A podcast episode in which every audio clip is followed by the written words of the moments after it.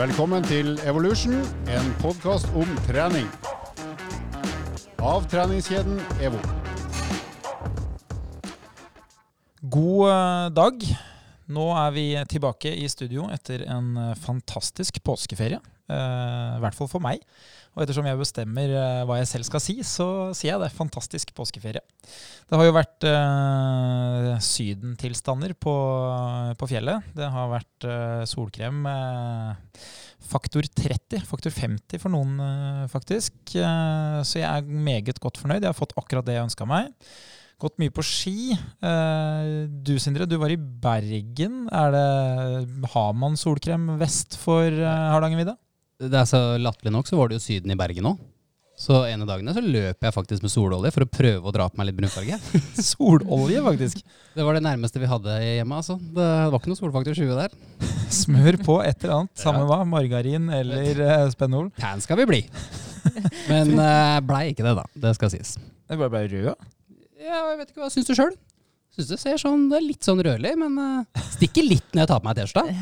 Høres jo helt sjukt ut. Det er for øvrig en ting svigers fortalte meg for en del uh, år siden. At uh, nei, foreldra hans de smurte jo på med eh, om det var vaselin eller om det var eh, sånn uh, spennol. For, for unga skulle jo bli brune.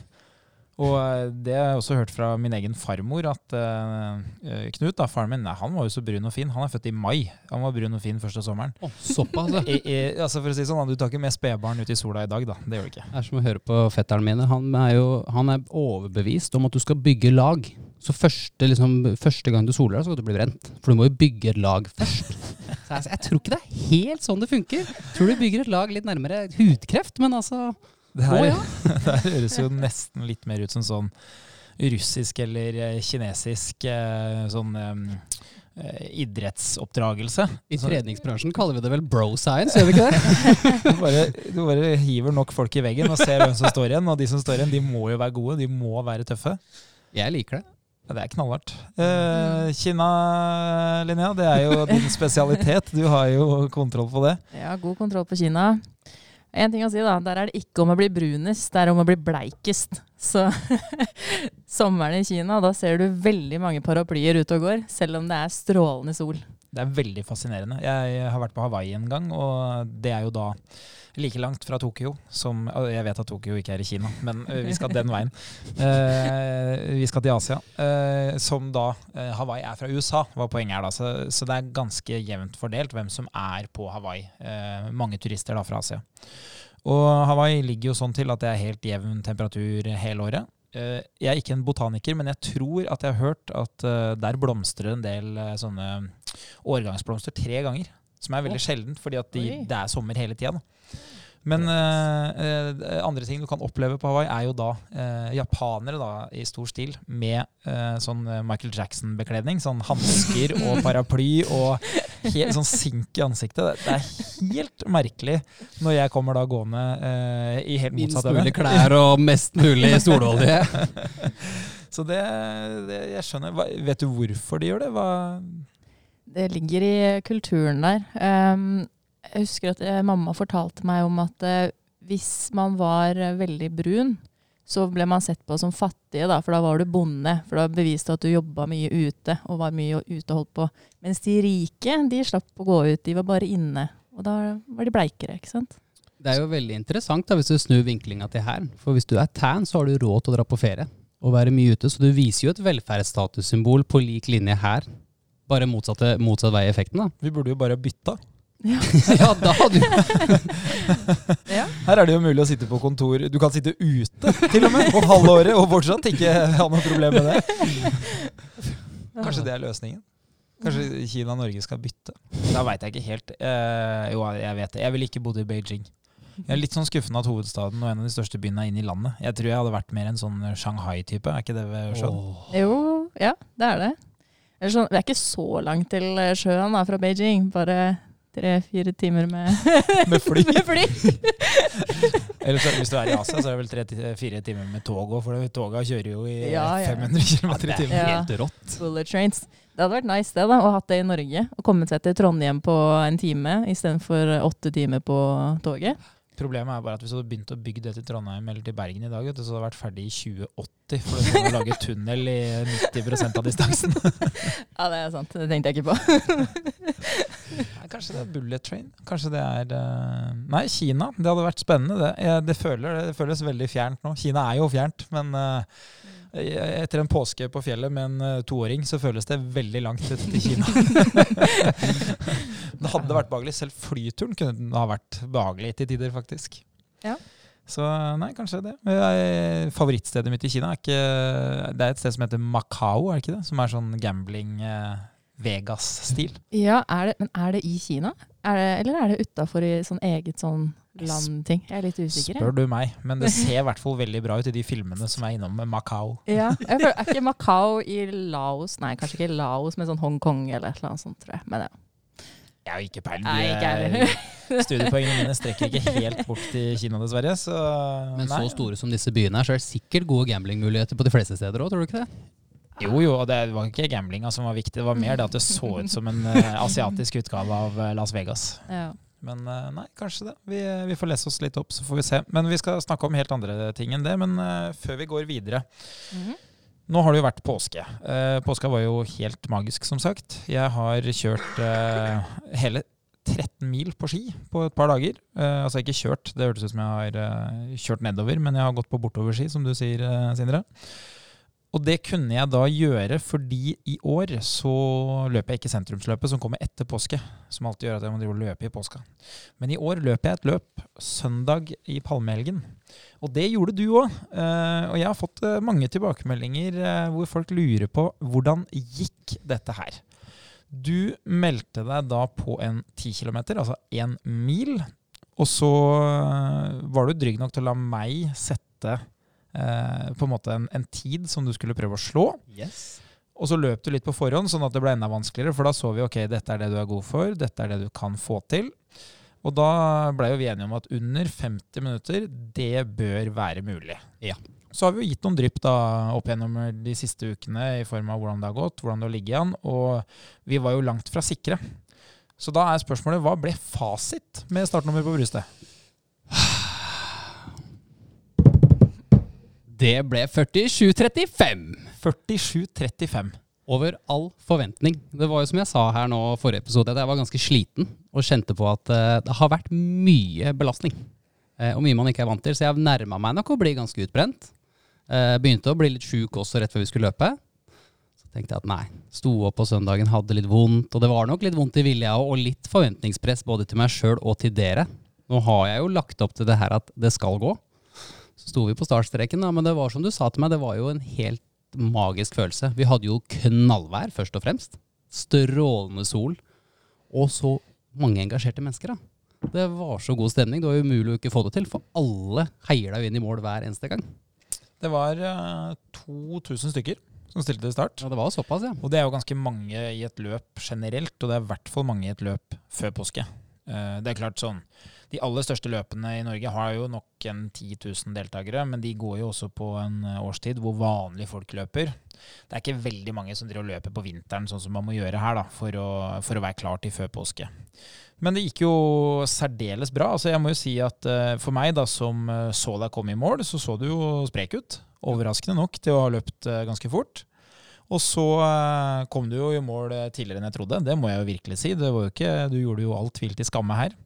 Jeg vet ikke om du har sett den Jordan-dokumentaren, men der er det ett klipp hvor han ser på et intervju, og så sier han I took it personal. Ikke sant? Når jeg løp den der og kom på fem kilometer, tenkte jeg klarer vi fem til? Jeg tar dette personlig. Det klarer vi. Så det som er morsomt her, er at du har jo gått fra da å ha eh, så godt som null løpeerfaring, sånn Ja. joggeskoløping som vi driver med her. Absolutt. Du har jo spilt eh, basket, så du er jo vant til å flytte på deg og har jo trent og har jo kondisjon, men, eh, men den er ikke blitt brukt til å holde på i 50 minutter i strekk. Og så eh, har du jo da løpt egentlig på en fart og en tid som gjør at eh, man må trene. Det er ikke, du møter ikke opp og løper på godt under 50. Hvordan har det vært da underveis? Vært, eh, hva føler du nå, liksom?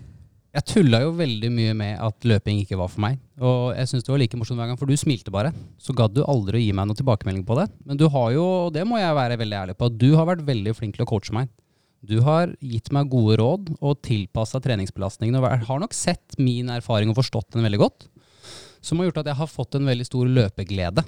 Eh, så det har jo vært en utviklingskurve og et treningsmål som har vært kjempegøy å jobbe mot. Eh, og det var som jeg sa hjemme her til samboeren min, at det, er mange år siden jeg har hatt et treningsmål som har vært så gøy å jobbe mot, og som har vært så spesifikt, ikke minst. Eh, og så er det jo noe jeg aldri har vært god på. Så det har vært morsomt å kunne se om jeg også kan klare noe jeg aldri har gjort. For det gjør jo at jeg kan forstå kundene mine litt bedre òg. For da skal man jo plutselig se for seg noe man ikke klarer å se målstreken på. Jeg har aldri løpt 10 km før dette løpet her. Så det er jo det at man skal gjøre seg klar for det. da. Hva følte du på veien i mål, da? Når du, det er jo, til de som ikke har deltatt i sånne konkurranser, så er det jo et oppløp. Og oppløpet, der har man de siste årene skjønt at eh, det blir mange fine bilder. Så da ruller de ut et teppe. Så en slags rød løper. I det tilfellet her så var den vel blå, tror jeg, hvis ikke jeg husker feil. Nei, jeg vet du hva, Når jeg var over målstreken der, så så jeg ingenting. nei, det, er, eh, det kan være Oslo Maraton i fjor som var blå. Men eh, hva følte du da på vei mot mål? Jeg husker når vi kom mot Hvis jeg kan prøve å forklare til dere, da, så kan man se eh, hvor man kommer til på ganske lang avstand. Så jeg tipper at siste kilometeren så ser du hvor målstreken skal være. Og da kjente jeg at det, det er nok ikke kondisjonen som var tyngst for meg, men det er kapasiteten i beina. Så jeg var såpass seig i beina, og så nærmer vi oss målstreken, tenkte jeg nå må jeg bare holde fart. Det er det viktigste. Så hørte jeg du begynte å skrike, og så så jeg han jeg løp med, tok et ordentlig sprint. Han, plutselig så var det bare et kjettegir på han. tenkte jeg, men for faen, da må vel jeg prøve, jeg òg, da. Og jeg løper for harde livet. Men jeg skjønner jo sjøl at det går jo ikke noe fortere, det her. da. Det bare føles mye fortere, for jeg driver og svinger mer med armene. Men en mestringsfølelse og en endorfinrus som eh, Nei, helt latterlig. Og så er det jo, Vi snakka litt om det sånn etterpå, men det er jo når du kommer i mål at du kjenner at oi, eh, det holder på nesten 50 minutter i den farta her, men den intensiteten er jo ganske hardt. Ja, det er drithardt. Så eh, når man står i mål, så ser man jo folk som knapt klarer å bøye anklene sine. Det er jo mange stive legger, og eh, folk ser jo plutselig ut som at de er veldig dårlig trent etter målgang. Jeg hadde jo gnagsår under beina og hele pakka, jeg. Ja. Men nok om meg. Kan vi ikke snakke om en som slo rekord på dette løpet her, da? For du snakker jo om 50 minutter som lang tid, men uh, er det noen av oss som gjør det på litt over en halvtime òg, er det ikke det? Ja, det gikk jo overraskende bra. Jeg var jo kanskje sett i ettertid litt vel feig på egne ambisjoner. Men jeg sa jo også det at hvis jeg bommer her, og hvis jeg faktisk løper så fort, så har jeg jo enten gjort en dårlig innsats før, eller så er det jo sånn at mølleløping på vinteren funker veldig bra. Og det gjør det. det. det. er jo ikke noe tvil om at det å trene på mølle, for de som er glad i å trene mye, og som gjør det, får veldig ofte riktig intensitet. Det er ikke alltid like lett ute. Så det gikk uh, veldig bra. Det var jo litt motvind uh, utover. Litt slakt oppover også til tider. Uh, passerte jo da halv, eller altså da fem kilometer, da, halvveis, på en tid som gjør at jeg hadde vært der som jeg sa at jeg skulle være. Jeg løp det på 18.10. Det hadde jo vært 36,20. Eh, så da hadde jeg vært et sted midt mellom 36 og 37, som jeg sa. Men så løp jeg jo med noen folk jeg kjenner, og de hadde helt andre ambisjoner. De eh, skulle jo løpe så fort de kunne. Noen av de hadde lyst til å løpe under 35. Og så hadde jo jeg lyst til å vinne. Eh, ikke av alle. Det slipper du når vinneren løper på 28,30. Han, oh, han, er i mål før jeg passerer 80 km. Men eh, jeg hadde jo lyst til å, å, slå de jeg kjenner. Så da blir det til at man tør å liksom henge på de litt lenger enn kanskje det man selv hadde gjort hvis ja. man hadde løpt aleine. Så eh, jeg løp på den mest stusslige tida man kan ha. Eh, og det er jo ikke da minuttene, for de er, veldig, de er veldig godt fornøyd med, men det er 0-1. Så jeg løp på 35.01, eh, og det første jeg fikk tilbakemelding om, var hvorfor løp du ikke to sekunder raskere? Ja, nei, hvorfor gjorde du ikke det? Og da eh, svarte jeg at det, det er fordi at jeg løp 58 eh, sekunder for fort. Så ja, det er jo litt bittert. Jeg har jo en, en, målsetning om å løpe under 35. Men jeg kan jo si det sånn at hvis eh, noen hadde sagt til meg at uh, du kan få valget her nå, du kan få løpe på 35,01 uh, og ta det resultatet nå, så hadde jeg tatt det any day før påske. Så jeg er strålende fornøyd med det. Det var jo beinhardt. Det er Absolutt. ikke noen tvil. Jeg persa jo på fem kilometer siste fem.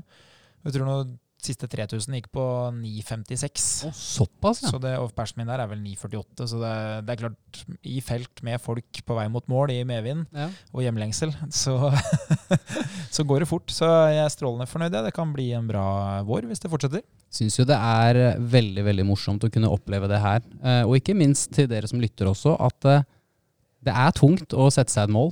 Men det å sette seg et realistisk mål, eh, og kanskje til og med noen ganger sette et mål som går litt over hva man selv har troen på, og da ta i samråd med en eventuell PT, sånn som jeg har gjort med deg, gjør jo at man kan nå målsetninger som gjør at trening blir så utrolig mye morsommere. Nå løper jo jeg faktisk i Bergen etter at jeg var ferdig, og jeg sa jo til deg at jeg skal ikke løpe igjen. Jeg. Men når man har friheten til det, så var det plutselig ganske moro allikevel. Ja, og det, det som skjer da, hvis man skal ta til seg tanken, da, liksom, hvis man skal føle litt på det, så er det én, du har hatt en motivasjon i å trene for å nå målet. Uh, og litt samvittighet, da, fordi at du tenker at du vil ikke skuffe deg selv når du står der den dagen på start. Så, så er det veldig kjedelig hvis du tenker at å ja, det blei bare én joggetur. Ja. Eh, Det var jo veldig dumt. Så derfor så har man en sånn type samvittighetsgreie som går også. Men så ser man jo at idet du da lykkes med treninga, du gjennomfører eh, et visst antall treningsøkter som gir et resultat bedre enn forventa, så vil du kunne bruke det at du når målet ditt som motivasjon for å fortsette å trene, men òg kanskje bygge litt selvtillit i å tørre å sette eh, ambisiøse mål. Og det er jo det som skjer etter hvert, da, at du, du setter deg mer ambisiøse mål, som er det ene, som er bra, for du blir jo i bedre form av det. Og, og, og de målene kan også smitte over på helt andre ting. Det kan være sånn type jobbrelaterte mål, eller altså, det kan være andre ting som ikke har noe med trening å gjøre. Det er i hvert fall det som jeg observerer hos mange av kundene mine. helt enig. Og så blir du bedre til å sette mål. Fordi at du på en måte Hvis du sier at du aldri har kasta dart, da. Så hvis du får ti piler, så vil jeg jo tro at etter det niende kastet, så er du bedre til å anslå hvor det tiende vil treffe. Selv om første traff uh, treverket bak plata, så er det liksom Bare det å få litt erfaring med hva på en måte målsetningene fører til, så vil du også bli bedre til å anslå riktige mål, da. Syns det er så bra sagt. Jeg vet ikke helt hva du føler om det, Linnea, men det er jo veldig Det å feile anser jeg veldig mange Jeg opplever at mange av kundene mine anser det som, veldig tungt. Det å ikke få til trening. Men hvis du snur det da til den metaforen du bruker der, så er det jo at du feilet ikke, du gjorde noe litt mindre effektivt som gjør at vi må gjøre det på en annen måte neste gang. Nå har vi lært hva som ikke funker. Og så kan vi prøve oss på å finne ut noe som faktisk funker. Ender du ofte opp med å gjøre det med dine kunder da? Ja, absolutt. Jeg kjenner og ser den gleden de får når de liksom faktisk Eller først så er det en skuffelse da med å ikke klare det. Og så er det bare sånn, men da vet vi hvordan det blir senere, da. Da Ja. blir vi liksom flinkere på å finne ut av hva veien videre vil føre, da. Og finne de nye målene og de nye grensene vi kommer til. Du, eh, jeg har jo også et helt annet eh, spørsmål her. Du, eh, vi snakka om det forrige gang, du har jo operert øyet.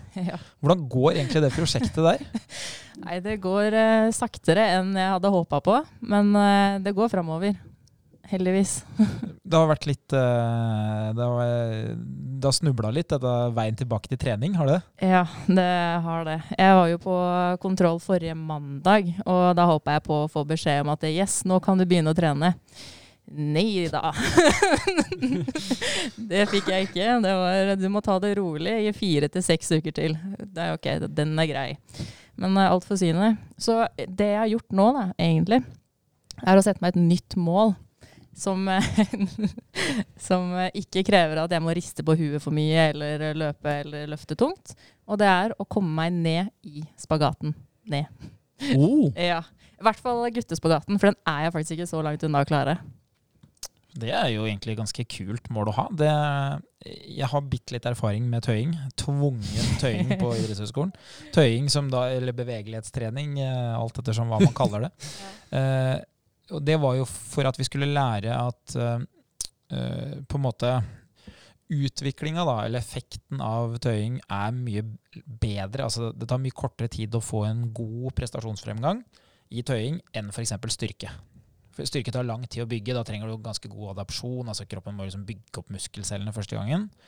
Mens tøying er litt spesielt fordi man tror at muskelen blir lengre, men det som egentlig endrer seg, er jo da nervecellenes tillatelse til at muskelen kan strekkes. Så, Mm. så det er det som endrer seg. Så det er en kul greie. Eh, Jeg er veldig langt unna, da. Eh, Den store prestasjonen min er at jeg er, jeg er ekstremt langt unna. Eh, Så du skal ikke bli med meg på denne reisen her, da? ja, altså hvis vi kan måle Jeg trenger ikke, jeg trenger ikke prosentvis fremgang engang for å vinne her. Altså. her, her eh, jeg, jeg, men vi kan ikke måle det i sluttresultat, for, for der er jeg så langt unna at det blir aldri spagat. Jeg kan måle i hvor langt, eh, eller hvor god progresjonen er, da. Ja, der, der kan jeg være med, men det er en kul greie, da, fordi eh, det vil jo være smart å drive litt bevegelighetstrening hvis man, i hvert fall hvis man har noen begrensninger. Enten at det er eh, noe man skal gjøre i dagliglivet. Man ser jo på trening på eldre, da, hvis man leser studier om det, så ser man jo at de får ganske mye bedre funksjonalitet bare av å tøye. Mm. Så man får et par eh, ting. Det er jo bedre bevegelighet, altså at du får lov å strekke muskulaturen lengre. Si at eh, du stoppes av baksida av låret da, når du bøyer deg fram, så kunne du fått lov å bøye deg lengre. Men det andre er jo at tøying også gjør at du får litt bedre kontakt med muskulaturen. eh, Som gjør at det er litt lettere å bruke de musklene man faktisk har. Og så er det jo hvis du skal gjøre styrkeøvelser hvor bevegeligheten din er en utfordring, som gjør at du da kan få bedre effekt av øvelsen fordi at du får bedre bevegelighet når du gjør øvelsen. Så det er ikke dumt, det. altså. Det er en kul uh, målsetning. Men du som er vant til å trene, trener jevnlig, uh, trener jo hyppig. Hvordan føles det å plutselig være satt på sidelinja og ikke få lov å trene? Det føles veldig frustrerende ut. I hvert fall eh, de første to ukene var veldig frustrerende for meg. For da, da så jeg så dårlig på venstre øye, det, som, det opererte øyet, da, eh, at jeg ikke klarte å gå tur engang uten leie. Da trengte jeg trengte hjelp, liksom. Eh, Jeg måtte få venner til å komme på besøk og ta meg på luftetur. Stabilt sideleie. heter for øvrig bare stabilt leie. Det er vel Sideleie er vel tatt bort. Ja. Eller sideleie heter det. Stabilt er tatt Ja. bort. Nei, ikke spør meg. Jeg vet ikke. Vi måtte ha hjelp til å gå. Ja, jeg måtte ha hjelp til å gå. for Pupillene mine var jo gigasvære, og ja, nei, det var jo ikke måte på. Men etter det så har jeg faktisk blitt litt flinkere på å gå turer, da. Og gjøre det jeg kan gjøre. Det er, eh, det er vanskelig å ikke Eller det er tungt å kjenne at jeg ikke klarer å liksom løfte de kiloene som jeg egentlig har lyst til å gjøre, og trene styrke og føle meg fresh, liksom. For det, det er faktisk noe som jeg har trengt, da. Det er jo det som òg er tilbakemeldinga fra en del av de kundene jeg har trent i mange år. Når de da plutselig havner i situasjoner som gjør at de ikke kan drive med den samme type trening eller den belastninga har gjort, er jo at de, de plutselig kjenner på at ja, men jeg har jo egentlig lyst til å gjøre det her. Som de i starten kanskje overhodet ikke hadde lyst til. da. Så, så det er jo det du kjenner på nå, at eh, det å trene er jo noe du velger frivillig fordi du vil gjøre det. Absolutt. Jeg kjenner virkelig på det savnet der. Altså. Gleder meg så sykt til å komme tilbake. Gleder meg til å være utslitt. Ja. Tenk det. Det er, så, det er så morsom vinkling. Men det er jo litt sånn, man ser jo på, man tenker jo på mat, det skal jo nære kroppen. Søvn, det skal jo få kroppen til å restituere. Mm. Og trening, det ser jeg på som næring til den fysiske delen av kroppen. Også hodet. ja. Er du ikke enig? Det blir jo plutselig et helsefokus hvor det er helt sånn Jeg må trene for å føle meg bra. Mm. Ikke lenger for å se bra som man ofte starter med som fokus. da. ja, absolutt. Det er, liksom, det er ikke bare det fysiske som man ser, men det er det psykiske. Altså. Det hjelper så innmari mye på huet. I hvert fall for en overtenker som meg, da. Så, så hjelper det veldig å fokusere på litt andre ting. You and me both. Yes! Når, eh, når skal denne spagaten egentlig inkasseres innkasseres, holdt jeg på å si? Når, når skal du få det til? Um, jeg har sett for meg til 17. mai. Til 17. mai, ja. Ja. Jeg kommer til å måtte stå i spagaten jeg, fram til 17. mai hvis jeg skal rekke det. Jeg skriver ned. 17. mai er vi så glad i. Det- 17. mai, da skal jeg ned i guttespagaten. Den, eh, nei. Jo, guttespagaten er den hvor man går til sida, ikke sant? Det er Guttespagaten er sidelengs, ja. Ja. Og damespagaten er Det er jo helt sjukt at det er navnet, men alle kjenner liksom Jeg tror det. Jeg tror beina fram og tilbake, det er damespagaten, og Ja. til sida er guttespagaten. Ja. er gutte, spagaten. Altså. Jeg skal ikke Jeg har aldri klart frivillig. Har nok sklidd inn et par ganger med duell, men altså uh, Hva med deg, Sindre? Hva, hva er din målsetning? Uh, nå som jeg endelig er ferdig med løpinga, så er det å opprettholde kondisjonen. Og så er det rett og slett å trene seg klar til neste basketsesong. Så nå er vi en kompisgjeng som vi spilte på laget sammen. Vi avslutta sesongen akkurat. Uh, vi vant jo, det var veldig gøy. Og da har det jo blitt litt mer motivasjon på oss alle. Så nå har vi liksom laget en gruppe hvor vi har satt oss et felles treningsmål. Hvor vi skal trene så og så ofte og bli rett og slett basketklare. Ja, kult. Hva sier du hvis jeg sier at uh, i september Jeg tror det er september, jeg har ikke sjekka, altså. Så det må, jeg- det må jeg sjekke. Men da, der hvor vi da løp nå, der sponser vi uh, et løp til. Det er jo Hvor mange løp. kilometer? Uh, det løpet er da over dobbelt så langt. Det er en halvmaraton. Jeg har jo ferie nå snart, så jeg sier at jeg lar meg ta ferie og tenke på det. Jeg mener jo at du må jo ikke gi deg nå. Hva er bra på 22,5? 22,5 Eller det er jo 21,5, en det det? veldig lang halvmaraton. Det er Ja. eh, 21,1. 21,1. Så du slipper det, det hørtes jo Det var jo deilig at det var kortere, men 21,1 er jo langt nok. Eh, hva som er bra hvis du eh, sier 50 min, da, som var den opprinnelige uh, Ja. tida vi tenkte å løpe på, som vil være mer naturlig å bruke ettersom du faktisk løper 2 15 minutter raskere enn den. Så hvis man da bruker den og dobler den og legger til distansen, uh, så er det 1,46 som vil være sluttida. Så det er jo klart Det er another ball game, det her, altså. Det, det er helt klart. Uten tvil, men nå har jeg også bedre tid. Ja, du har, du har også bedre tid underveis til å tenke på at det er en idiotisk ting. Jeg har bedre tid til å gi meg, er det du sier. Men som jeg sa til deg, for vi har jo snakka litt om det her tidligere òg. Det som skjer hvis du løper halvmaraton etter å ha løpt 10 km, det er at under en 10 km så vil du få følelsen av at eh, oi, dette er bra, men du vil også, som du opplevde, kunne løpe distansen på trening. Ja. Så det er veldig vanlig at de som møter opp på en 10 km, de har faktisk løpt distansen en gang tidligere. Enten i trening eller tidligere. Fordi at 10 km er ikke hinsides langt å skulle kunne få til hvis du har eh, trent litt. Mens når du løper halvmaraton, det er faktisk noe de aller aller færreste har gjort. Fordi du ramler ikke bare ut på en treningsøkt som varer for helt OK trente da, i to timer. Det vil være helt unaturlig.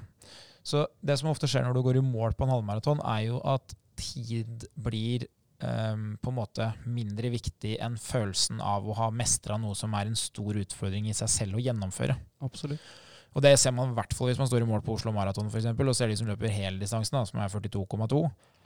De, de aner ikke, mange av de aner ikke hva de har løpt på.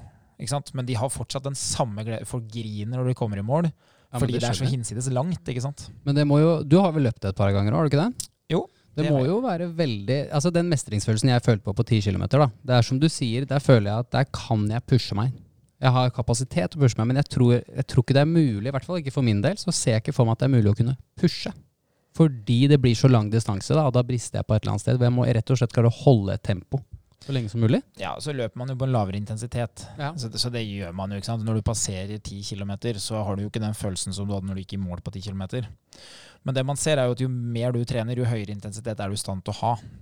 Så for min del nå så er det jo sånn at på en halvmaraton så har jeg jo høyere intensitet i dag enn jeg hadde på en 10 km for ti år siden. Ja. Så, så jeg, etter 10 km så er jeg usikker på om jeg kommer til mål. Eh, men fordi at jeg har trent på det, og fordi at jeg da løper på en fart som er veldig riktig, så kan det hende det går til halv. Faen altså, Linné, jeg blir ivrig, vet du. Jeg sa jeg var ferdig, men jeg blir, får litt overtenning når vi sitter her nå. Jeg Så kjenner jeg skal det være på energien din. Jeg skal ikke manifestere noe ennå. Jeg skal tenke litt på det, altså. Jeg, jeg tror du kommer til å naile det om du, du gjør kan jo bare tenke, men inntil videre så skriver jeg da bare opp navnet ditt på deltakerlista. syns jo du skal det. Det syns jeg absolutt. Så, eh, og, og hvis ikke du har lyst, så kommer jeg til å tvinge deg. fordi at eh, det er viktig at vi går foran med et godt eksempel. Og ettersom EVO da sponser dette gateløpet i Drammen, for vi ønsker flest mulig folk i aktivitet, så skal det bare jaggu mangle at du skal ut og løpe òg. Men da håper jeg for guds skyld at dere som lytter nå, blir med å løpe. Ja. Ikke bare at dere lurer på hvordan det går, men at dere faktisk er med denne gangen. Nei, Jeg anbefaler det. Melde seg på et gateløp uh, i nærheten av der man bor. Det er en helt unik eh, opplevelse som med startnummer. Det er, Det er det. eh, Jeg så, så mye bilder fra barn som var med i påskeskirenn og sånn òg, og det Folk liker det. altså. Det, du det trenger ikke å være på eh, OL- og VM-nivå, bare man får lov å delta og kjenne litt på det. Jeg vil sammenligne litt med 17. mai-feiring. Det blir så god stemning i sånn som når vi var i Drammen. da. Det er alle er lykkelige, og så kommer det barn som løper. Det var jo noen av de som løp inn der som var De kan jo ikke ha vært mer enn 13-14 år. Nei, det var folk rundt meg òg på 13-14 år, også, så det gikk i mål. Så det, det Åh. er mange bra trente. Det er det. Det er så stilig. Nei, virkelig, altså. Så det er en kul greie. Du Linnea, nå skal vi over til det som egentlig er dagens tema. Men før vi gjør det. eh, Du er jo tilbake i jobb. Ja, Så nå har du jo, selv om du trengte litt hjelp til å gå tur her og sånn, så er du tilbake i jobb. det er jeg. Og det jeg lurer på da, du som, eh, jeg og Sindre har jo da ikke rukket å få hjulet helt i gang her enda etter påske. Men en ting som jeg erfaringsmessig opplever, er at det dukker opp noen spørsmål idet påska har eh, dukket opp, eh, og det har vært litt sol. Da begynner the second wave, altså de som ikke kom i gang i vinter etter nyttårsforsettene, de begynner å dukke opp nå Ja. på jobb hos deg, har det kommet spørsmål om hva skal jeg gjøre inn mot sommeren, eller har ikke de dukka opp ennå? Eh, Jeg har ikke fått noen spørsmål helt ennå, men jeg ser en del eh, hodeløse høns holdt jeg på å se, inne på treningssentrene. De har ankommet. De har ankommet, så spørsmålet de kommer nok eh, hvert øyeblikk. Ikke sant. Så la oss eh, ta en prat da om eh, det som er dagens episode, som er eh, sommerkroppen.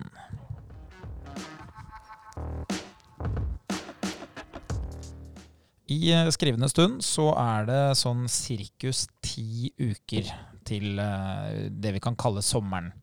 Og Da handler det om å finne ut hva er det vi kaller sommeren, og i dag tar vi utgangspunkt i eh, skoleferien. Det er en veldig enkel måte å si at da starter sommerferien på. Så det er ca. ti uker til barnas sommerferie.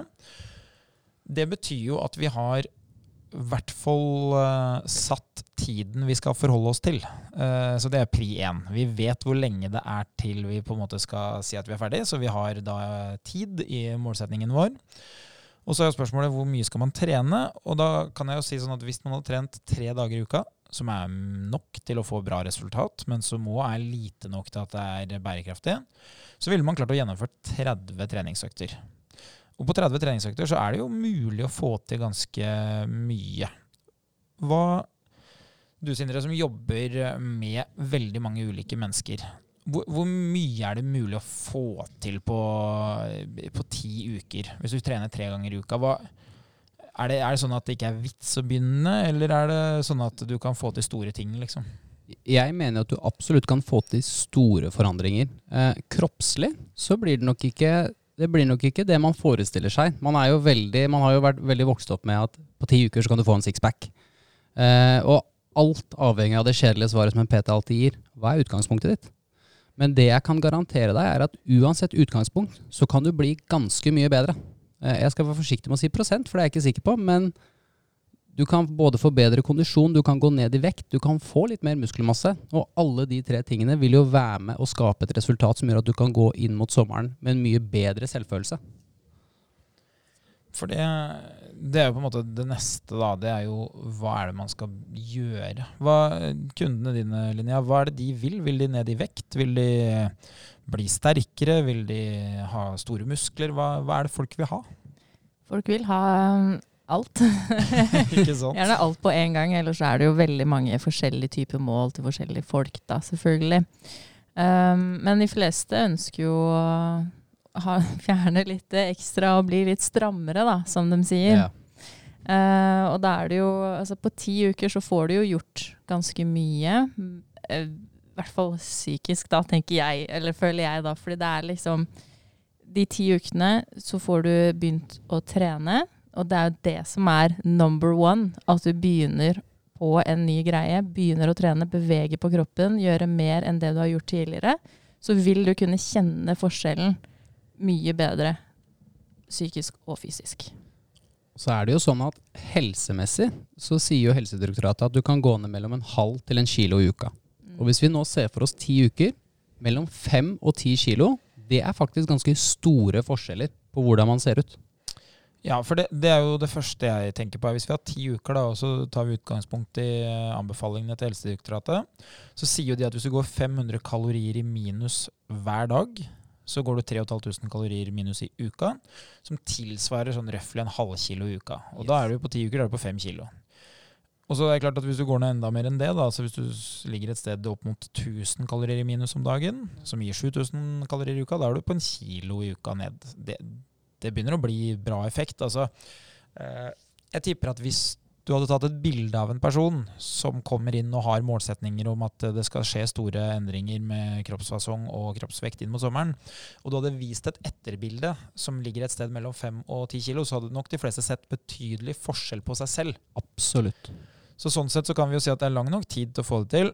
Men det som er litt vanskelig, det er at dager hvor ikke man oppfyller kravet, vil jo på en måte knocke ut dager man oppfyller kravet. Og et problem som vi har opplevd, eh, de aller fleste som jobber med trening, er at eh, mai er kanskje ikke den måneden som samarbeider best med gode resultater.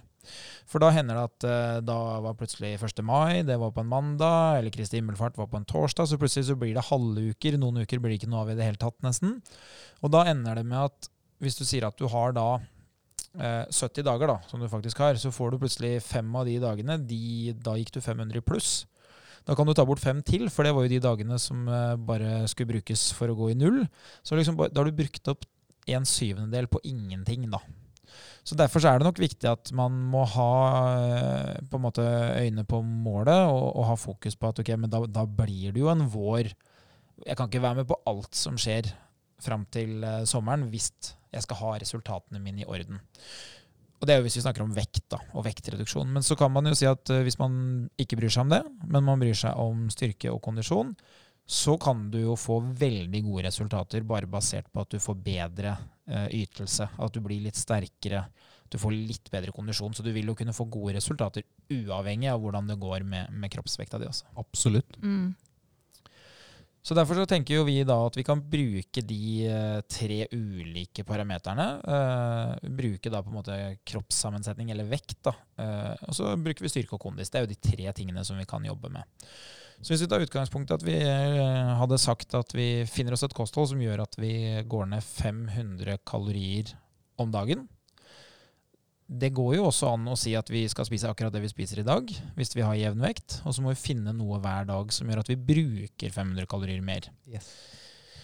Hvor mye må man gå? Jeg tipper jo kanskje, hvis vi hadde brukt skritteller, da, hvis du ikke har noe med trening å gjøre, jeg tipper at du må kanskje legge til ca. 8000 skritt om dagen for å få brukt 500 kalorier. Det er selvfølgelig ekstremt avhengig av hva du driver med, men i snitt så tipper jeg hvis du hadde stått på skrittelleren din pluss 8000 nå hver dag helt fram til sommeren, så ville nok det ha vært minimum 500 kalorier ekstra i forbruk. Så det er en mulighet til å gjøre det på hvis man ikke vil endre kostholdet. Det er jo en veldig hvis du, altså Alt avhenger av tid, da, men på en måte er det en veldig enkel måte å gjøre det på også. For det er ikke så tungt. Da kan du faktisk sette på deg en podkast eller musikk, eller lytte til oss på podkasten, og gå deg en tur. Ja, Og det vil kunne skape den effekten du vil ha.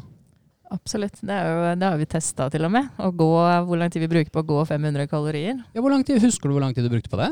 Uh, ikke det akkurat i hodet, men det var vel én time og Nei, var det, det var jo over en time. Ja. En, 62 minutter, det var kanskje. 61-62.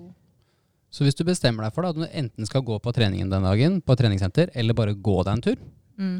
så er en times tid med en gåtur vil være så effektivt. da. Ja. Det er ganske morsomt. Ja, det er ikke dumt det, altså. Det å, å legge til det. Og det kunne man jo da lagt til de dagene man ikke trener, f.eks. Si du trener tre dager i uka, da, så går du litt de fire andre dagene. Da, har du plutselig, da er du på vei mot store resultater, hvis vi snakker om vektreduksjon, da. Mm. Så det, og der er jo kostholdet helt avgjørende. Så én ting er å finne noe som øker forbrenninga, og noe annet er jo da å rett og slett ha kontroll på inntaket. da. Ja. For, det, for det må man, altså. Og det gjelder også de som drikker alkohol, f.eks. Det er jo en kilde til ekstremt mye ekstra energi, som da dukker opp typisk sånn i høytider, jul, påske, men også da hvis det blir litt grilling og sånn, og litt lengre langhelger og sånn eh, utover mai, så er jo det ofte en tendens til at det blir et høyere inntak enn en vanlig. Det var vel det Frida snakket om også når hun var på besøk her, i forhold til dette med fyllekuler. Eh, og det at man, man kan fortsatt gjøre det, men være, da må man være ganske lur. Og du nevnte jo da liksom dette tullete med dette skinny bitch. Men det er jo ikke tull. Sukkerfrie varianter, mindre, og rett og slett være litt smart på det, da. Sier ikke at det er helsemessig sunt, men hvis man ikke har noe valg. Og det er ofte der jeg føler føler opplever jeg møter kundene mine, at er, vi er normale mennesker alle sammen. Vi kommer til å drite oss ut. Og da må vi prøve å være litt lure rundt den hverdagen generelt og ellers. Tilbake til eh, fotballgarderoben og eh, hvor store muskler regjerte. Så var det jo en greie hvor eh, vi hadde en felles enighet om at sommerkroppen måtte være på plass til mai. For det var mer enn nok bare å holde den i mai og juni. Så de som ikke var på plass til påske, da, og som skulle begynne da, lykke til. Da snakkes vi til sommeren, fordi da må du være hjemme.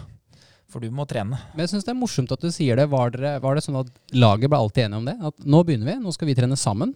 Og så er dette sånn felles halvveis gruppemål. Det er ikke det at alle er med på alle øktene, men vi trener sammen for samme formål. Og så holder vi hverandre ansvarlig. Ja, halvparten var med. Ja, men den, det- den andre halvparten var det fordi at det var strategisk smart å være til stede. Så det, ja, nei, det var jo litt sånn. Eh, hvis vi ser bort fra liksom de overfladiske målene, da, og, og ikke tenker bare på hvordan man ser ut estetisk, eh, og kanskje ikke bare på kroppsvekt for vekta sin skyld. En del har jo selvfølgelig noe å tjene på at kroppsvekta blir lavere, fordi det vil jo minske risikoen for en del eh, eh, sånne type helseparametere som ikke er bra, da. Men hvis vi tenker utelukkende på god helse, der er det jo sånn at hva som er motivasjonen for å begynne, om det er sommerkropp eller eh, om det er å minimere risikoen, så vil vi jo ofte se at virkemidlene vi bruker er de samme. Ja. Det er gjerne å få kontroll på inntaket. Det er å trene styrke og kondisjon.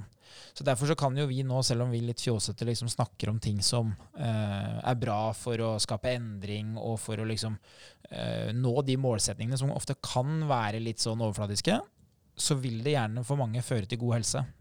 Og Jeg snakka med en kunde om det her i dag, eh, faktisk. At veldig mange av de menneskene som jeg trener i dag, de trener fordi at de har lyst til å opprettholde god helse. Men hvis vi går tilbake og ser hva var det som sto som målsetning på den første målsetninga vi skrev ned, det var gjerne overfladiske mål. Gå ned fem kilo, eller bli sterkere i. Og så plutselig på et eller annet tidspunkt så har man eh, funnet ut, som vi snakka om nettopp, Linnea, at jeg liker jo egentlig trening. Jeg har egentlig mm. lyst til å gjøre det. Jeg syns det er ålreit å bli sliten. Jeg, jeg føler liksom et velbehag i å, å, gjøre noe som er litt anstrengende. Og så plutselig så er det ikke lenger ned fem kilo eller se bra ut som står som målsetning. Det er, dette har jeg tenkt å gjøre, for det gir en sikkerhet da, i form av eh, god helse. Stemmer det overens med de eh, kundene som du har i dag òg? At det blir litt sånn etter hvert? Ja, absolutt. Det er, det er, sånn i starten, og så går det en stund, og så kjenner de at vet du, dette her trenger jeg, jeg har blitt avhengig av dette her, liksom. Og da er det så mye enklere å fortsette. For det er den største og vanskeligste jobben gjort, på en måte, når du kommer til det punktet hvor du kjenner at det, dette gjør, gir meg mer enn det tar? Ja, det er akkurat det. Det blir så mye lettere å prioritere det og faktisk gjøre den endringen og bare leve. Det blir en livsstil, og ikke bare en kjapp endring. ja. Og jeg, jeg, jeg, Før i tida var jeg jo kanskje litt sånn at ti uker er jo, det er ikke nok. Men i dag må jeg jo si at ti uker, det, der er det mulig å skape mye. altså. Der har jeg endra meg helt. Uh, hvis du har trent litt styrke tidligere, så er også ti uker nok til at du egentlig kan gå fra å se ganske utrent ut til å faktisk se ut som du trener en god del styrke. Hvis det er første gangen du begynner å trene styrke, så vil du selvfølgelig få litt mindre avkastning, for du vil bruke en del tid på å bare lære deg bevegelsesmønstre. Men til gjengjeld så vil det jo være sånn at kroppen din har jo da ikke hatt noe særlig aktiv muskelmasse. Du vil dra på deg masse ekstra væske som musklene trenger for å tåle den belastninga. Så du vil nok ganske kjapt gå fra å på folkemunne se dvask ut til å faktisk se litt rent ut. Så for alle så vil på en måte ti uker fra null til eh, full innsats gjøre at man visuelt ser plutselig ganske mye skarpere ut. Altså. Absolutt. Hvor mye muskler er det mulig å få til hvis vi hadde begynt å banke til i dag? liksom Ti uker? I antall kilo, eller, man, eller visuelt? Nei, så kilo, Hvis du får til to kilo på ti uker Det hadde jo vært helt hinsides. Ja, og Hvis du da sier at du går ned fem kilo i tillegg, da, så har du nå dratt av eh, fem kilo med, med, fettmasse og lagt på deg to kilo muskler, da det begynner å bli synlig. altså. Jeg tror det er det mange misforstår. At man tenker at man skal legge på seg så voldsomt mange kilo med muskler. Men det er så morsomt som du sier, da. To kilo, og så fem kilo, to kilo opp med muskler og fem kilo ned med fett. Det er så stor differanse, da, og det, kan, det gjør så store endringer med kroppen. Og det skal dere huske, altså at det er der skoen trykker. Hvordan, uh, hvordan, tror du det visuelt ville sett ut, Linnea, hvis man liksom hadde klart å følge et sånn tiukersprogram? Ville folk ha sett annerledes ut? Ja, det spørs jo helt på utgangspunktet, da. Uh, men uh, ja, folk vil nok se en liten forskjell, ja, på hvordan kroppen reagerer. Det er så mange ting som spiller inn også. Du må være dedikert, du må faktisk gjøre jobben og være streng med deg sjøl. Så er det jo, Når du har ti uker, så er det viktig å optimalisere hverdagen rundt hvis du skal ønske å få til gode resultater. Det å sove nok, restitusjon, det er utrolig viktig. Og vi har så lett for å undervurdere hva en ekstra time med søvn kan gjøre. Så det å prøve å legge seg i sikte mellom syv og åtte timer søvn om dagen er jo veldig viktig. Og det å få i seg tilstrekkelig med protein. Det å bli vant til å spise nok proteiner, for det er jo muskelens byggesten. Og det å kunne bygge litt på det er så utrolig viktig. Og det er mange jeg møter som ikke er vant til å ha protein i alle måltidene sine. Og det er klart at som du sier, da, når det er så på når det er ti uker, da må vi prøve å gjøre det beste innsatsen overalt.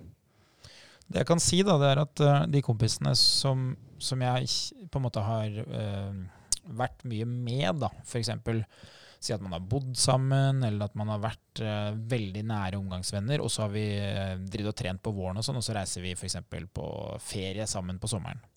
Det som ofte skjer da, hvis de trener i ti uker, selv om de kanskje ikke har vært med på noe sånn uh, life-changing altså det er jo, Folk kjenner det igjen da etter ti uker. Det er ikke en annen person som kommer inn i rommet, men det er en annen person som på en måte bærer kroppen sin med verdighet.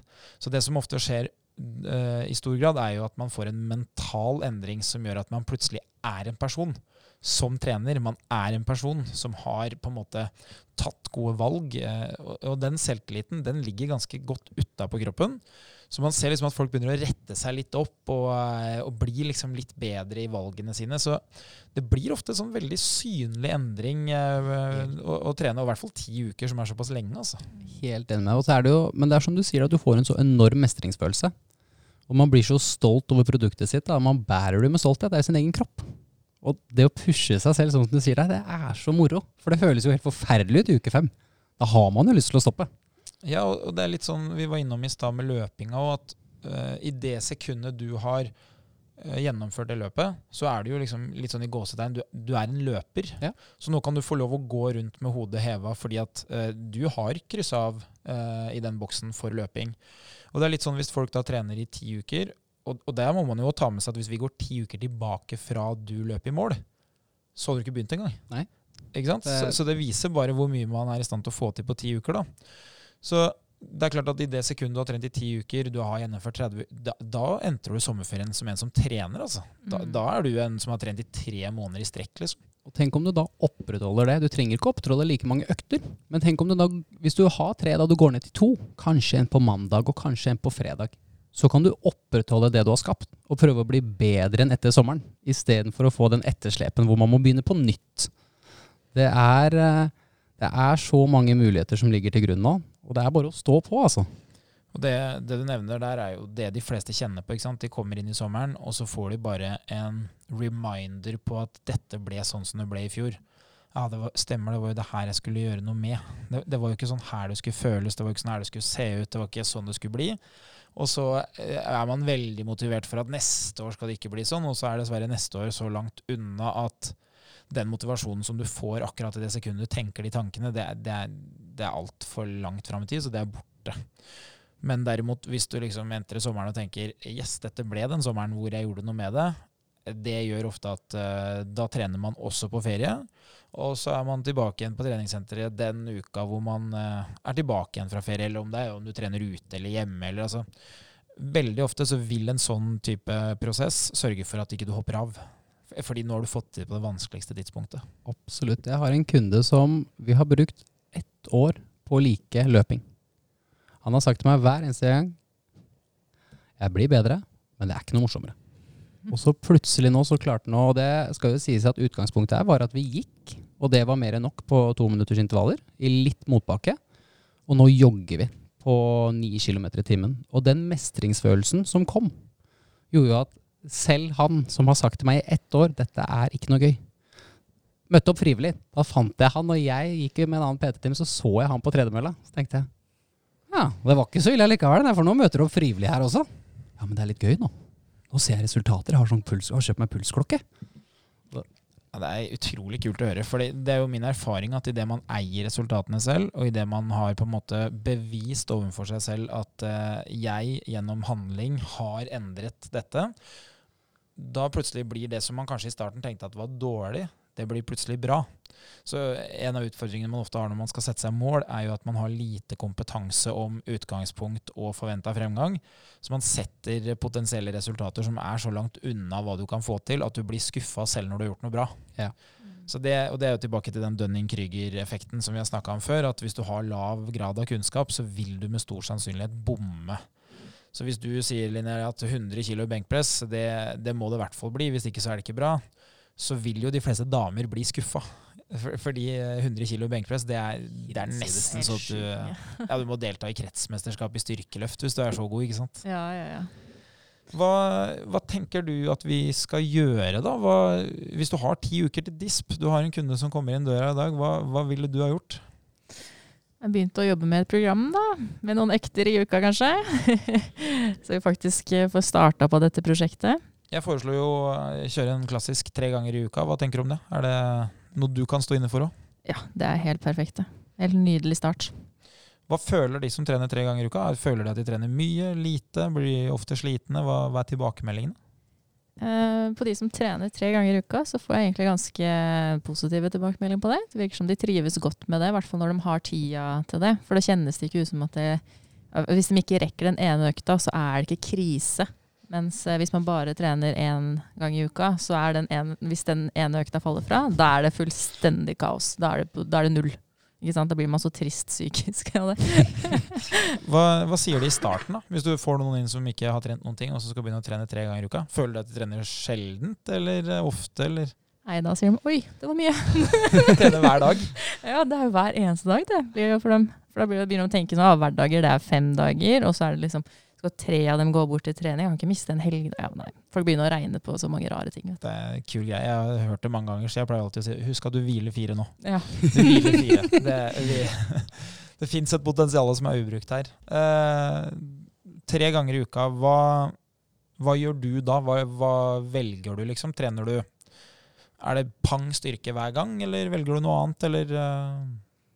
Gjerne to styrkeøkter og en kondisjonsøkt. Det er vel det som er mest innafor. I hvert fall to fullkroppsøkter ja. og en ja, god kondisøkt for å øke litt puls. Ja, det, jeg ville jo vært helt enig i det. Hva, hva er det man må ta hensyn til, liksom? Hva, hvis du skal stille spørsmål, da, hvis du får inn en person som sier hei, du må hjelpe meg, jeg er helt, eh, jeg er helt avhengig av å få noen resultater inn mot sommeren. Hva, hva, bør folk tenke på når de, eh, når de skal begynne å planlegge? Er det forskjell på treningsplan for eh, meg om jeg hadde hatt to uker ute, eller to måneder ute, kontra en som aldri har trent før? Ja, det er jo det er forskjell. Eh, det er jo liksom Hvis du er helt ny, da, og nå skal du begynne å trene, så er det mye ting som må tenke på, men vi prøver å gjøre det så enkelt som mulig. For det viktigste er at du kommer og bruker den tida du har satt av effektivt, eller så effektivt som mulig da, på treningssenteret. Det er number one. Og så er det alle andre faktorer rundt spising og sånt, men vi begynner først med treninga. Og da er det greit at vi setter opp et basis eh, treningsprogram. Begynner med ja, to fullkroppsøkter. Vi har det i, i uka. Og så steller du deg på mølla og ser en episode av eh, Gift ved første blikk eller et eller annet moro. Som du gjør fast en gang i uka. Da har du det. Ikke sant? Enig? Jeg syns det høres veldig bra ut. Jeg er helt enig. Det syns jeg er kanon. Hva, hva ville du valgt av øvelser? Altså sånn, eh, vi, trenger, vi kan gå, Sindre kan jo ta oss gjennom et forslag her, eh, men hvordan øvelser ville du ha valgt? Uh, tja, det er jo um, um, ja, bein. Da er det beinpress og de basisøvelsene der. Bruke apparatene godt. og Brystpress, skulderpress, noe dra noe til press. og Gjør det enkelt. Ja, gjør det så enkelt som mulig, sånn at du faktisk klarer å gjennomføre det. Det er det viktigste. Ja. Og det er jo noe jeg observerer av og til, er at folk møter opp, og så har de jo eh, kanskje litt for avanserte ting. Fordi Ja. Mm. eh, et problem da med trening er jo ofte at man ser til det beste. Og så tenker man ikke på at de beste de har jo gjerne da vært igjennom ganske mange år med erfaring, prøving og feiling. Eh, ikke sant? Så det å skulle løse matteoppgaver i 10. klasse, det er jo ikke noe du kan hoppe inn og gjøre med mindre du har gått de ni foregående årene. Eller i mitt tilfelle så klarte jeg ikke å løse de engang. Så, så på trening så er det jo sånn at eh, må velge noe som er litt kynisk. Så som du sier, da, det er jo ekstremt smart å velge noe som trener generelt hele kroppen. Og så må man gjøre noe man klarer å gjennomføre. Og så ville jeg tenkt sånn litt kynisk. eh, jeg ville valgt øvelser som er så enkle, men som også gir høy belastning. Mm. Ettersom vi vet at uh, liksom, stor motstand på musklene, det er det som gir eh, best effekt. Ja. Så jeg ville kanskje tenkt sånn spesifikke øvelser for koordinasjon og liksom sånn særegne øvelser for uh, det å liksom begynne å dele opp kroppen i veldig mange ulike øvelser, det ville jeg tatt senere. Mm. Jeg ville bare tenkt her er det å mose på med høyest mulig belastning på store muskelgrupper. Enig. For da får man god avkastning. Vi, eh, vi ga deg jo en utfordring før eh, start her, Sindre, når det kommer til styrke. Uh, hvis jeg skal gå i gang, jeg skal trene tre dager i uka, så som Linnea fint sier her, da, vi kjører da f.eks. to styrkeøvelser og én kondisjon. Ja. Og så har vi valgt å kjøre en litt klassisk styrkeøkt for å få høy belastning, mye motstand, mange vekter, da, eller mye vekt på når, når man trener. Og så har vi valgt en eh, styrkeøvelse, nei, styrkeøkt med høyere intensitet. Eh, Har du et forslag på klassisk styrkeøkt med høy belastning som vi kunne ha valgt? Absolutt. Jeg elsker jo det amerikanske sitatet. Det er det du er inne på. Most bang for bucks. Altså, vi må, gjøre, vi må gjøre øvelser som er mest mulig effektivt, og da går, må vi gå ut fra utgangspunktet ditt. Så hvis du har trent styrke før, og du er kjent med frivekter, så vil jeg forholdt meg til det. For da har du ikke noe innlæringsfase. Men det er veldig viktig at vi husker på at hvis du er ny på trening, så er det en stor innlæringsfase. Og da tror jeg jeg ville holdt meg til apparater de første ti ukene nå. Fordi det er mye vanskeligere å gjøre feil.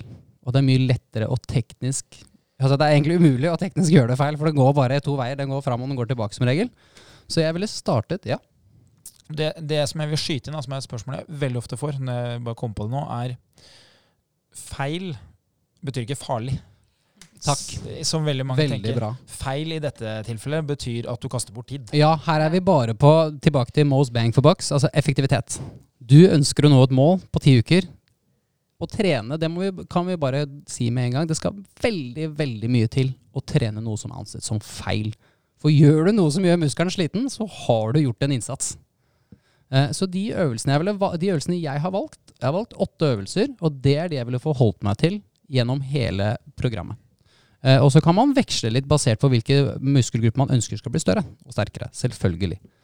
Jeg ville valgt benkpress, og da helst med manualer, for da får du en litt større strekk på muskulatur. Eventuelt et brystpressmaskin.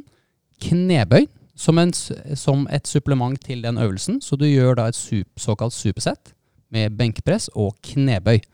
Eller som du gikk inn på der i stad, Linnea, benpress. Også veldig effektivt. Etterpå så ville jeg gått over til nedtrekk og skulderpress. Da får vi både ryggmuskulatur og skuldermuskulatur. Så går vi tilbake til bena og går over til markløft og situps. Så da har vi to øvelser igjen, og det ville da vært roing og hip thrust. Eksempel da bootybuilder-maskinen som man har på alle EVO-sentrene. Good. Jeg har notert her underveis, bare for å kunne gjøre en oppsummering. Fordi vi har snakka litt enkelt tidligere om hvordan man lager et treningsprogram best mulig hvis man har trent lite. Og da har vi snakka om at man må ha noen pressøvelser, altså at man skyver noe ifra seg med overkroppen. Og så har vi snakka om at vi må ha noe av trekkøvelser, som er at man trekker eh, en eller annen form for vekt inntil kroppen. Og så må vi ha noen beinøvelser, og så kan vi gjerne ha med en mageøvelse. Og hvis vi i tillegg får trent eh, nedre del av ryggen litt, ved at noen av beinøvelsene f.eks. byr på litt eh, rotasjon fremover, eh, typisk knebøy og markløft, eh, der ligger jo vekta litt foran sentrum, så det vil gjøre at overkroppen vil gjerne fremover, og så må du holde igjen overkroppen, og det gjør du med ryggen. Så hvis vi bruker det som du sa nå, da, så er det sånn at i kategorien press, så har du da benk og skulderpress. Det er jo da faktisk en uh, horisontal og en vertikal øvelse. Yes. Så da får du trent både skuldre og bryst. Og så har du da bein, som var knebøy og markløft, pluss hip thrust. Så da får man trent uh, strekkapparatet i beinet skikkelig bra.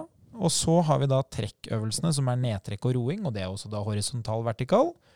Og så har du da situps. Så her har du egentlig kryssa av alle de tingene som man trenger. Og så fins det drøssevis med øvelser som vi har droppa. Hva med tåhev? Jo, men hvis du skal løpe, så vil det i seg selv være nok belastning for leggen for de aller, aller fleste.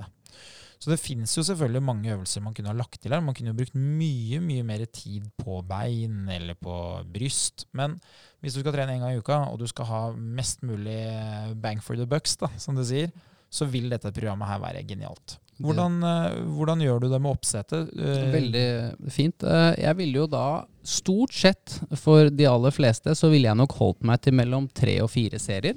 Og det jeg også ville fokusert på, er at jeg ville hatt mellom åtte til tolv repetisjoner på de fleste øvelsene. Og grunnen til at jeg sier mellom åtte og tolv, er fordi jeg vil at dere skal notere. Det er jo veldig viktig at vi ser en progresjon i det vi driver med. Og hvis du nå tenker at du gjør benkpress, så skal du klare Nå tar vi et eksempel på at vi har tolv kilo da, i hver arm. Så klarer vi det tolv repetisjoner. Vi klarer det på sett nummer én, to, men på sett nummer tre så blir det for tungt. Og da klarer vi bare åtte. Og da kan vi jo se da på uke to om vi da klarer å gjøre ti repetisjoner på de to siste seriene. Da har vi en forbedring. Og siden vi ikke skal bytte så mange øvelser fordi det blir en ny innlæringseffekt, eller innlæringskurve, så må vi tilbake til most bang for bucks. Så vi forholder oss til enkle prinsipper som gjør at vi kommer oss lett til mål. Meget smart. Og fordelen med å velge 8 til 12, da, som du sier, f.eks. at du har 12 på de to første seriene, og så rammer du litt av, det er at volumet er høyt nok til å sikre at du har nok belastning. Yes. For faren her er å si at vi skal ha så høy belastning at vi skal ha f.eks. fire firere. Hvis du da ryker på serie to, så blir totalvolumet så lite at her, ved å velge så høy belastning, fordi man ikke har trent så mye før, så vil man få veldig god effekt på muskulaturen, men man sikrer også at det er ikke så farlig om det siste serien eh, blir helt uh, død, nesten. Helt riktig.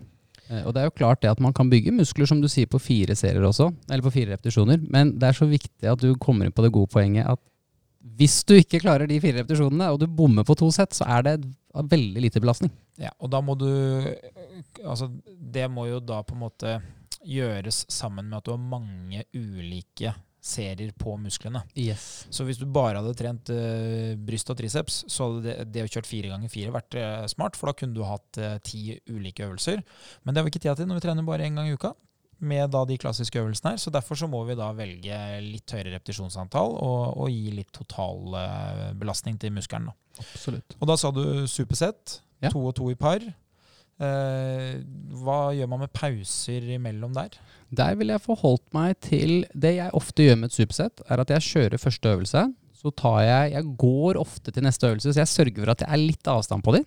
Så jeg får en mellom 15 og 30 sekunder pause, for da har jeg henta meg litt inn, i hvert fall. For jeg vil ikke være helt utslitt når jeg begynner på øvelse nummer to, for da blir det vanskelig å få god kapasitet. Jeg tar en bitte liten pause, så tar jeg en god pause etter de to øvelsene. På gjerne 90-120 sekunder. Ja, så Hvis vi gjør et eksempel, da, så blir det at jeg kjører benkpress. Ja. Og så går jeg til knebøy, kjører jeg knebøy, så går jeg tilbake til benkpress. Så gjør jeg det til jeg har tatt fire av hver. Ja. Og så bruker jeg da eh, tida på å rydde opp de to øvelsene, før jeg da setter i gang med de to neste. Helt Så da får jeg kort pause imellom seriene, men lang pause imellom øvelsene. Ja. Hvor lang tid tipper du at jeg hadde brukt hvis jeg skulle kjørt eh, fire ganger eh, Nei, morsomt nok så er jeg jo biased, jeg gjør jo det her selv. Uh, og jeg bruker alt mellom 40 minutter til en time. Ja. Uh, sjelden det er noe mer, fordi jeg har jo et veldig fokus på at nå er det såpass kort tid at jeg er ikke så opptatt av å trene lenge. Men jeg er opptatt av å få kvalitet på det jeg gjør, så jeg prøver da når jeg går inn, mentalt å forberede meg på at nå skal jeg være her i 45 minutter. Det kommer til å være tungt, og det skal være litt, det skal være litt tungt, for det skal være moro. Så da jobber jeg hardt og har fokus på å bli fort ferdig. Skal jobbe hardt, bli fort ferdig, og da går det jo veldig fort også. Og da ser man jo at hvis du velger den metoden her, så får man jo litt forbrenning Helt i retur, da. Eh, Hvis du hadde valgt og hatt fem øvelser, bare sitter med mobilen i pausene, så ville du fått god styrkeeffekt, men du ville fått veldig lav forbrenning. Så ved å velge supersett her, så, så henter man litt inn.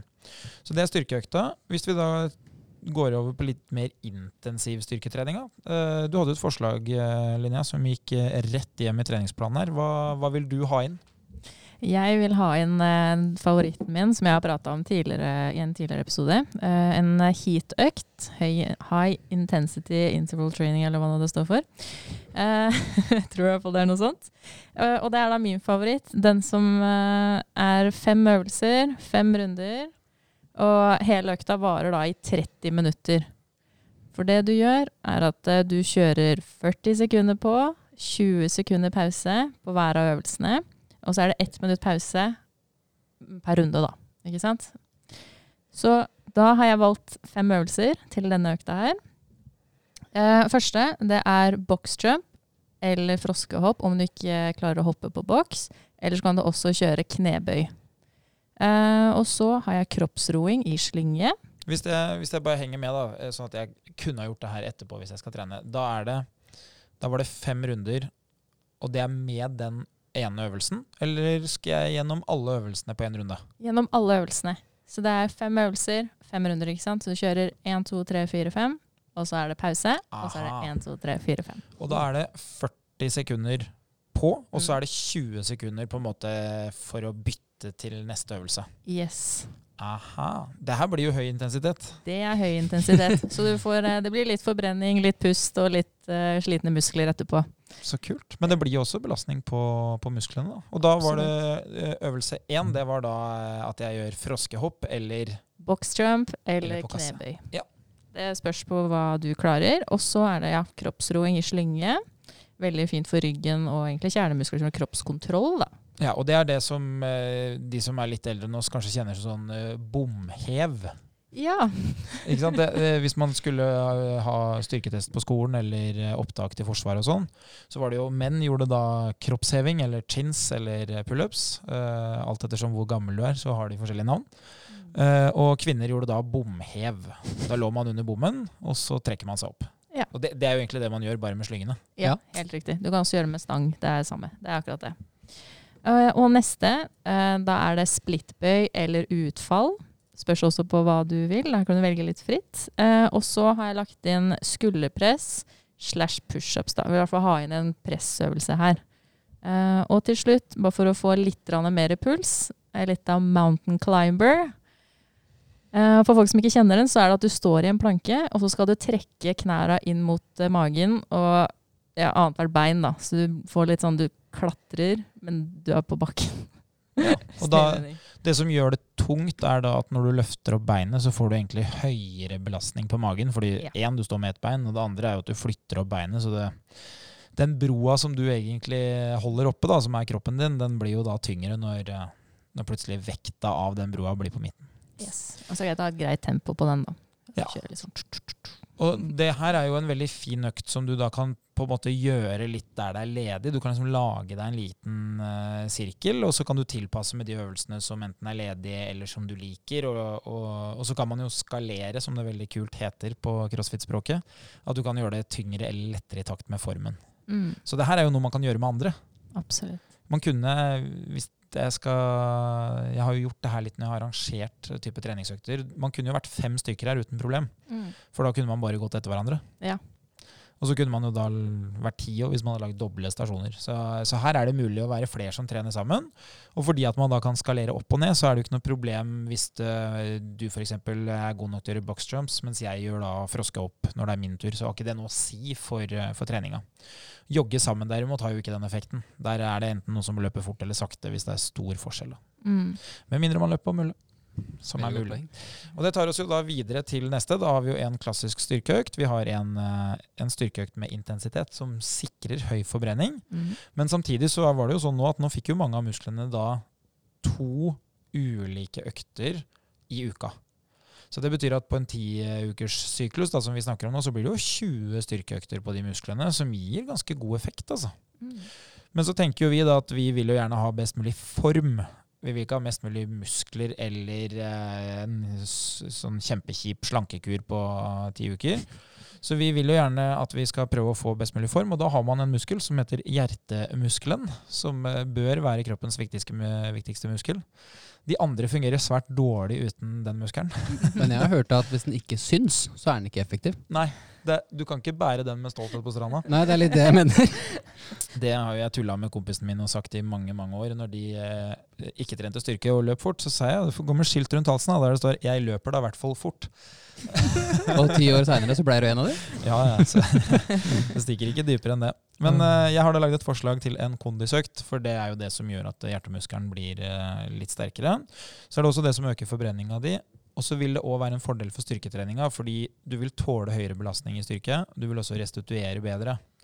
Og så kan jeg jo si det sånn at hvis vi begynner å trene i dag, så er det størst sannsynlighet for at du ville kjent forskjell på at kondisjonen blir raskt bedre enn styrken. For du vil oppleve situasjoner hvor du vil kjenne på at eh, kondisjonen er en begrensning, oftere enn styrken. Så mange av de jeg har trent, de kommer tilbake og sier ah, i dag så måtte jeg plutselig gjøre et eller annet, om det var å gå tur med noen oppover, eh, eller om det var å løpe til bussen, og plutselig så kjenner man at wow, her har det skjedd noe, liksom. Ja. Eller jeg har begynt å vente på andre. Ikke sant? Eh, Det er ikke lenger sånn at eh, jeg alltid må gå, og de andre har pause mens jeg, mens jeg tar det igjen. Så det var en sånn stor forskjell. Og da har jeg gjort det fryktelig enkelt. En ting vi ikke sa i stad, eh, Linja, det var jo oppvarming. Der snakka vi litt om at man kanskje kunne ha rodd i 10-15 minutter. Eller brukt ellipse, eller brukt mølle. Og da vil jo den økta bli, for det var 30 minutter du hadde, Ja. da vil jo den bli ca. 45. Sindre Ja. sin og ca. 45, og så har jeg lagd en på 45, og så vil jeg ca. like. Og da tar jo ikke trening mer enn en time, ikke sant? for da har du litt tid til å skifte på forhånd og komme deg hjem igjen, så har du brukt en time og fått god effekt. Så det jeg har lagt opp til, da, det er en økt som er ti ganger to minutter. Og grunnen til at jeg har valgt ti ganger to minutter, er bare fordi at jeg vil ikke at den skal bli for lang. Eh, Så for de som har trent mye kondisjon, så vil ti ganger to minutter være veldig hardt. For de vil kunne holde veldig høy intensitet i tominutterne. Mens hvis du har trent veldig lite kondisjon, så vil det være helt motsatt. Da vil to minutter føles veldig lenge. Så det som er viktig her, er at i starten så skal det ikke være veldig, veldig høy puls. Det skal være sånn at vi kommer oss igjennom, fordi i startfasen så vil volumet gjøre at du blir bedre trent hver gang. Men det er veldig lett å tenke at å ja, to minutter, det høres ut som noe intervallgreier. Her skal jeg bare peise på. Men prøv heller å tenke at egentlig så er det en joggetur på 20 minutter, og så er du ikke god nok form til å jogge i 20 minutter, så derfor så har vi delt den opp i ti ulike deler. Så løp så sakte man kan fra start. For eksempel, jeg er villig til å la folk starte på 7,5 km på mølla i starten, selv om de tror at de kan jogge og har jogga litt. Og så kan man heller øke da med f.eks. 0,1 eller 0,5 hver uke, inntil man begynner å kjenne på at jeg har ikke så lyst til å øke lenger. Men det er viktigere for meg at det blir ti stykker, enn at det blir fort. For det er volumet som skal gjøre deg bedre form, men det er det som er forbrenninga. Så det å sprinte fra start gjør at du får se et høyt tall på mølla. Det gjør også at du får se høy puls, men det gjør ikke at forbrenninga blir høy, for da blir økta så kort hvis du må gi deg. Så der har jeg sagt da ti minutter oppvarming. Det bør da være fra gåing til kjemperolig jogg, f.eks. Og så kjører vi da ti ganger to minutter. Og når du da har en pause mellom hver på ett minutt, som er da halve tida som du holder på, så har du da 29 minutter. Og så skal du få seks minutter etterpå hvor du kan eh, gå eller jogge, avhengig av hvor god form du er. Hvis du er i god form, så er det lett å jogge veldig sakte. Hvis du syns det er mer enn tungt nok å løpe de ti ganger to minuttene, så ville jeg gått. Men det er forbrenning vi er på jakt etter, og at hjertemuskelen brukes. Og den brukes litt mer etterpå, for da er du litt mer sliten. Så du kan jo se det på sånn at hvis du er i god nok form til å jogge 7,5 oppvarming, og du er i god nok form til å jogge 7,5 nedtrapping etterpå, så vil du se at pulsen er høyere på nedtrappinga enn på oppvarminga som gjør at hjertemuskelen får litt bedre stimuli. Så ved å gidde å gjøre det, så får du litt sånn gratiseffekt. da. Det blir da 10 minutter oppvarming, 29 minutter hoveddel, 20 pluss 9 minutter pause imellom. 6 minutter ned, 45 minutter. Effektivt, det her. Det var tre ulike økter. Det var styrke, det var intensiv styrketrening i sirkel. Sirkeltrening for eldre eller hit-trening for unge. Det er samme greiene. Og så var det en kondisjonsøkt. Og så kan jeg også være tilbøyelig til å si at hvis du syns det er tøft å løpe intervaller, så ville jeg prøvd å jogge godt Helt denne økta annenhver gang, f.eks. Det er samme for meg, bare vi får brukt kroppen litt og holdt på lenge. Dette vil sørge for at man får mm, litt sterkere muskler. Det vil sørge for at man får litt høyere forbrenning. Og hvis man da i tillegg klarer å holde seg 500 kalorier under, så vil plutselig superformen være der på ti uker. Altså. Og det verste er at det høres veldig mye ut, og det her kan føles veldig tungt ut i starten eller midt i, men hvis man holder seg dedikert, så skjer det veldig mye på ti uker. altså. Da sier jeg bare at legen har skrevet ut resept. Dette er resepten, denne ti ukers behandlingskuren her, og den kommer til å fungere. Uten tvil. Du blir i hvert fall ikke i dårligere form. Nei, det er det vel Tror ikke det. Hva tenker du, Linnea? Nei, det skal mye til for at det blir dårligere form. det er meget bra. Uh, du skal til Berlin, du, uh, til helga? Jeg skal til Berlin, og så skal jeg til Göttingen. Ikke sant? Se på basket. Ja, jeg eh, har jo en veldig god venn og en kunde jeg trener om sommeren, som heter Harald Frei. Han skal jeg få lov til å besøke og se spille nå. Norges beste basketballer? Ja, jeg velger jo å si det uten tvil. Er det, er det kult å si basketballer, eller er det teit? Kurvballer, kanskje? Kurvballer. Skal vi dra den ekstra langt? Oh, Han er Norges beste til å spille kurvball. Mm. Nei, vi sier vel ball player. Ball player. Ja, det Holder det på engelsk. Alt høres kulere ut. Basket, altså, Gidder du å spørre han eh, hva kortene hans står i verdi i forrige Beckett?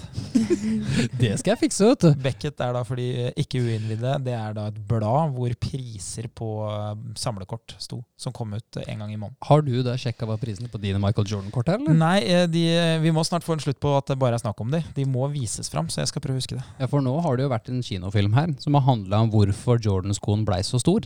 Og jeg tror at med den i kino nå, og Michael Jordan som har blitt så populær, tror de korta dine har steget litt i verdi. altså. Jeg har trykka litt på Michael Jordan på Facebook, og det har Facebook fått med seg. Så jeg, jeg har, det er endeløst med sånne Jordan-quotes. Uh, og det er mange gode, folkens! Jeg er akkurat ferdig med sånne hoppende smågeiter. Sånn parkour-goats. Og nå har jeg plutselig fått Michael Jordan, så Facebook lever sitt eget liv. Vi har ikke glemt eh, Challenge 90 grader eller 500-kalorieren med roing, men vi har da hatt påskeferie, og vi har ikke tenkt å ta knekken på øya til Linnea, så vi skal vente litt med det, men vi håper å komme tilbake igjen eh, med det neste uke. Jeg og Sindre kan jo uansett kjøre 90-graderen, på en måte. Det kan dere. På, på en måte. Ja, Vi vil bare trene litt først. Så jeg er helt enig. ser helt håpløse ut der. Så det må vi få til. Vi er eh, i mål med dagens eh, episode. Jeg håper jo folk har fått tips til hvordan de kan legge opp eh, treninga. At de har fått litt inspirasjon, og at de har fått litt innsikt i hvordan treningsplanlegging kan være både enkelt, men litt omstendelig. Og så anbefaler jeg jo alle å begynne å planlegge inn mot sommeren, fordi det å ha en ende på målsetninga si gjør det lettere enn å tenke at det skal vare for resten av livet. Det er ofte en ganske brutal tanke. Selv om det skal det, for alle er dømt til å trene. Derfor har vi mål på veien, folkens. Ett mål av gangen. Ta ett mål av gangen, så nå handler det om å komme seg til sommerferien. Eh, inntil videre så får jo folk eh, ha det bra. Det pissregner jo i Oslo, men det er jo VG varsler jo 20 plussgrader og kanon eh, vårvær. Ah, endelig, folkens. Nå har vi venta lenge, altså. Ja, fy fader, det gledes. Jeg har bare én skuffende ting jeg gjerne vil ta opp i podkasten her, eh, og det er eh, Når Sindre kom i mål, så kom han i jakke og shorts. Det var ingen raske briller. Det var ingen eh, Altså, skoene var raske. Skoene var jævlig raske. Det kan forklares med at det var eh, minus to grader der når vi drev og varma opp. Ja, det var kaldt. Eh, Så jeg fikk delvis rett, for det var bare asfalt. Så neste gang, eh, dette halvmaratonet som du eh, ikke vet at du skal delta på, men du skal, der blir, Men der blir det fullt utstyr. der blir det fullt utstyr. Det blir fullt øs. Gleder meg. Ha en eh, fortreffelig uke, alle sammen. Tusen takk for at du lytter til podkasten. Send gjerne inn spørsmål til en av oss eller til EVO sine kontoer, enten om det er på Facebook eller Instagram. Så skal vi eh, kjøre oppsummering eh, med alle spørsmål i en Q&A-episode. Da er det ikke mer å si enn ha det bra. Sayonara. Auf Wiedersehen. I like it. Har du hva, hva, Ha det bra på kinesisk? Man sier bye bye eller 再见.